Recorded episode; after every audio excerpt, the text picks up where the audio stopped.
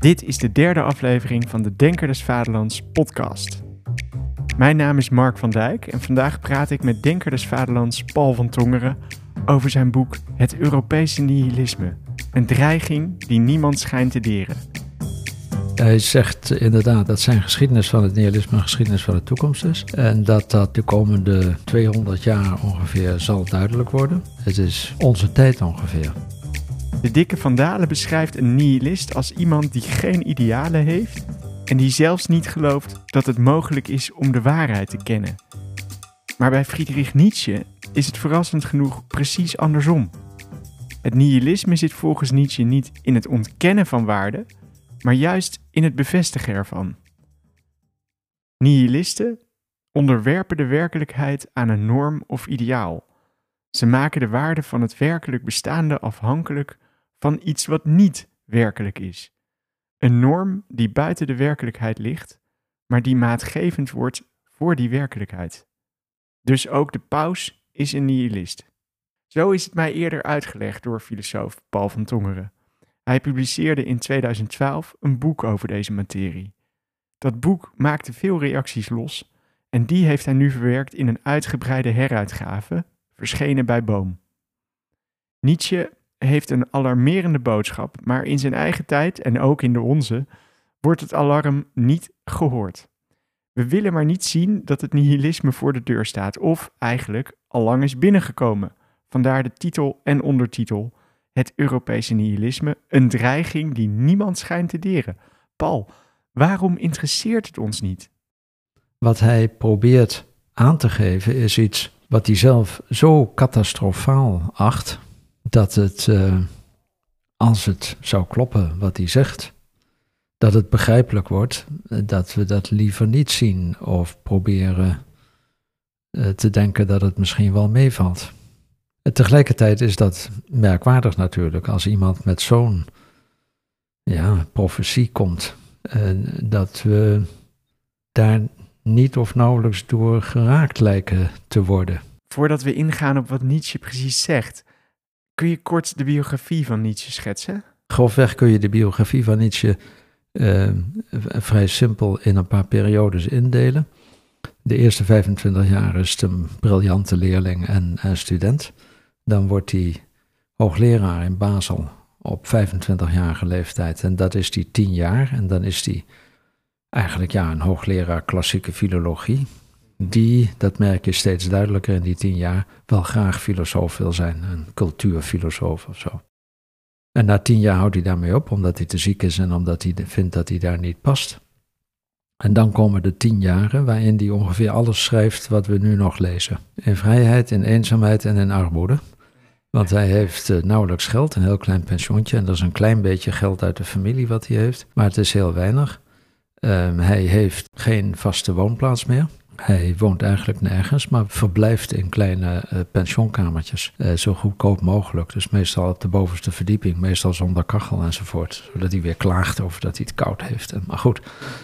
En verder, wat hij doet, is vooral wandelen. Zes tot acht uur per dag wandelt hij. En uh, hij noteert onderweg zo wat gedachten die hij dan s'avonds een beetje uitwerkt. En als hij er genoeg heeft voor een boek, dan verschijnt er weer een boek.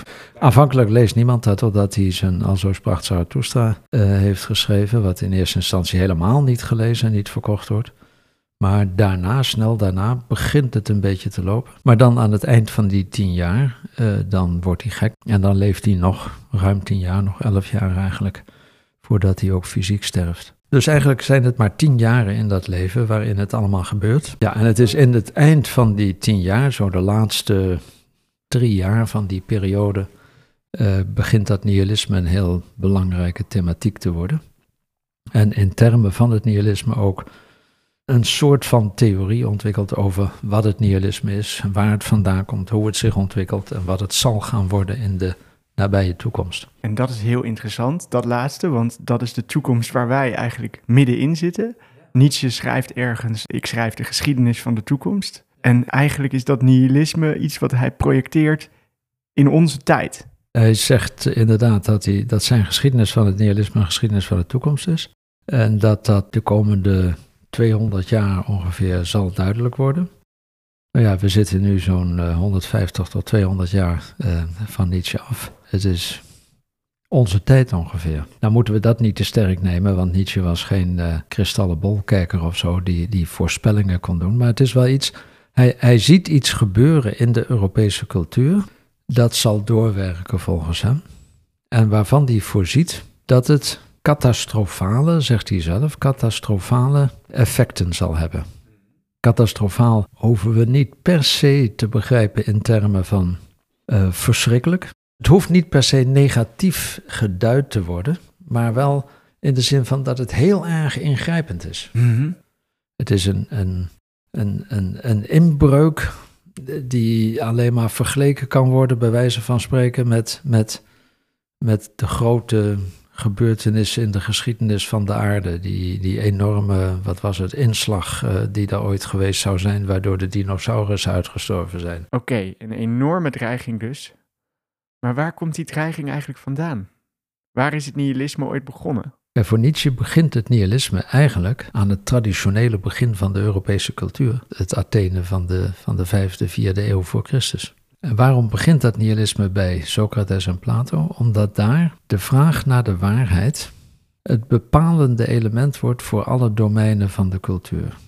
Dat wil zeggen, alles in de werkelijkheid, alles wat mensen doen en zeggen, en kennen of menen te kennen, dat alles wordt ingekaderd in een tweedeling tussen wat feitelijk het geval is en datgene wat eigenlijk daaronder zit, wat echt waar is, wat echt het geval is. Kun je een voorbeeld geven van? Nou ja, dat is, het voorbeeld bij uitstek zou je kunnen zeggen is de beroemde allegorie van de grot bij Plato. De mensen die daar in de grot zitten en die denken dat wat ze op de muur geprojecteerd zien die denken dat dat de werkelijkheid is.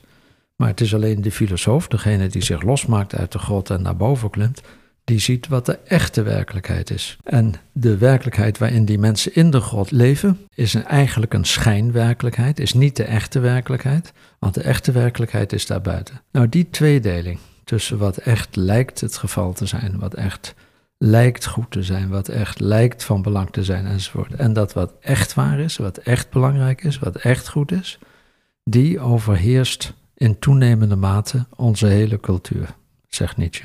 De manier waarop je meent echt te leven, de manier waarop je, wij, wij zitten toch in de echte werkelijkheid, denken wij. Wij zien gewoon wat er echt is enzovoort. Dat denken we allemaal. Dat wil zeggen, Plato zegt, dat denk je.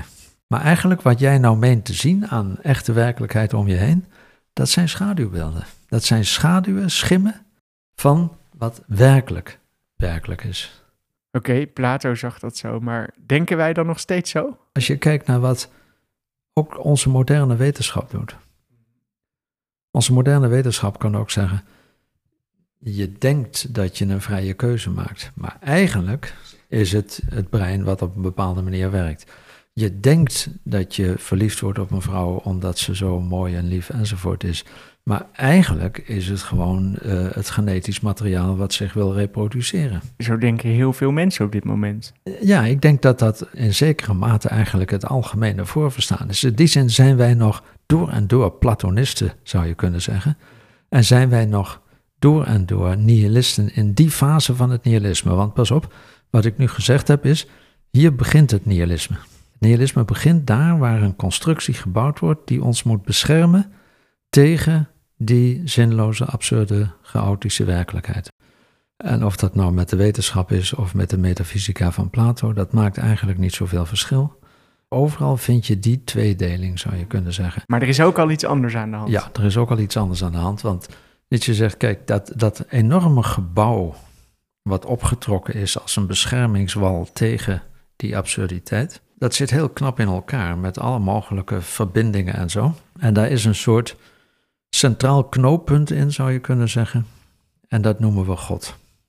Een God die, zeg maar, het, ja, hier past het Duitse woord, het inbegriff, het, het, het omvattende begrip is van waarheid, goedheid, schoonheid enzovoort. Ja. God is in die zin een soort symbool of een begrip, of in het beeld van die beschermingswallen, van die constructie die gebouwd wordt, heb ik het aangeduid als een hoeksteen of als de nog beter, in de top van het gewelf heb je een sluitsteen. Uh, het hele gewelf zou naar beneden storten als het niet precies tegen die sluitsteen aankomt en daarmee als het ware vastgehouden wordt. God is zo'n soort verbindend begrip in die hele constructie. Nu, wij hebben zo'n enorme constructie gebouwd, de constructie die je zelf ook God kunt noemen, die zo uitgebouwd is, die zo sterk is geworden, die zo alomvattend is geworden, dat we ermee kunnen gaan spelen, dat we hem kunnen gaan relativeren.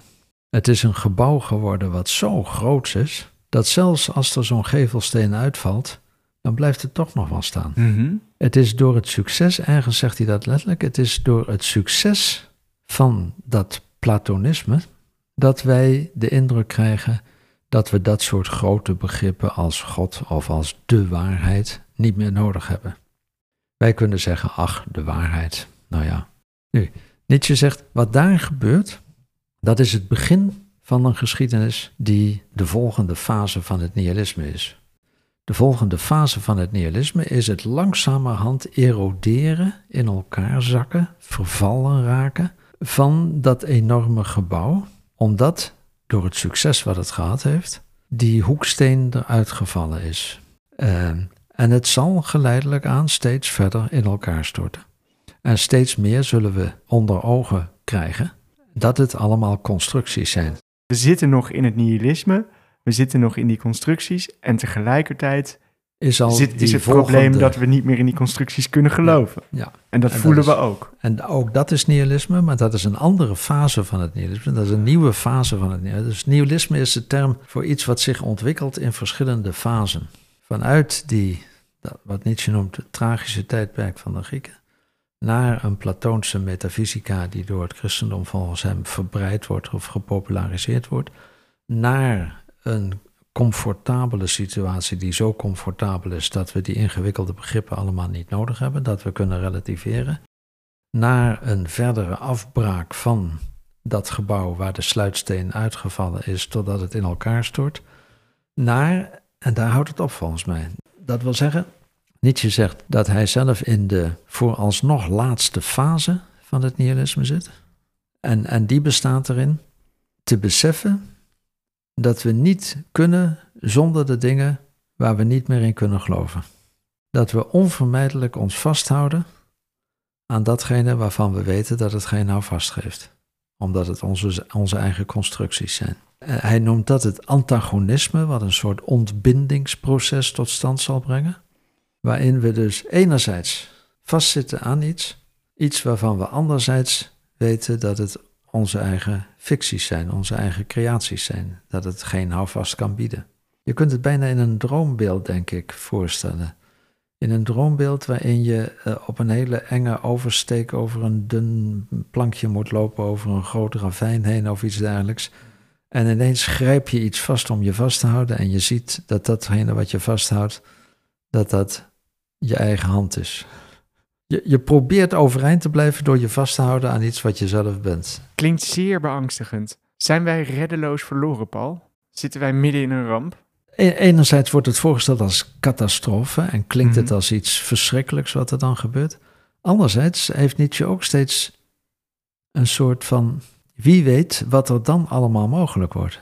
Met andere woorden, het kan ook het begin van iets totaal nieuws zijn. Maar het is zo radicaal anders. Het is onvoorstelbaar, letterlijk onvoorstelbaar anders. En je moet dan ook eh, volgens Nietzsche een soort eh, Columbus zijn om te durven uitvaren naar dat soort onbekende zeeën, zoals hij het zegt. Het is dus niet alleen maar alsof dan de wereld vergaat. In zekere zin vergaat de wereld, maar op een manier die ook een andere wereld mogelijk maakt. Er zijn nog zoveel zonnen die nog nooit geschenen hebben, schrijft Nietzsche ergens. Dus dat om dat catastrofale een beetje te nuanceren. Niet om te zeggen van zo erg is het niet. Nee, het, is, het heeft die twee kanten. En daarom vond ik het ook zo vreemd om, om te moeten vaststellen dat in alle literatuur over het nihilisme bijna uitsluitend gesproken wordt over de overwinning van het nihilisme. Ja. Ik heb gezocht in Nietzsche's teksten. Die uitdrukking overwinning van het nihilisme komt niet voor. En de hele geschiedenis van de interpretatie gaat voortdurend daarover. En dat is toch raar. Als Nietzsche niet schrijft over de overwinning, maar over het nihilisme, dat dan de hele interpretatie over de overwinning schrijft.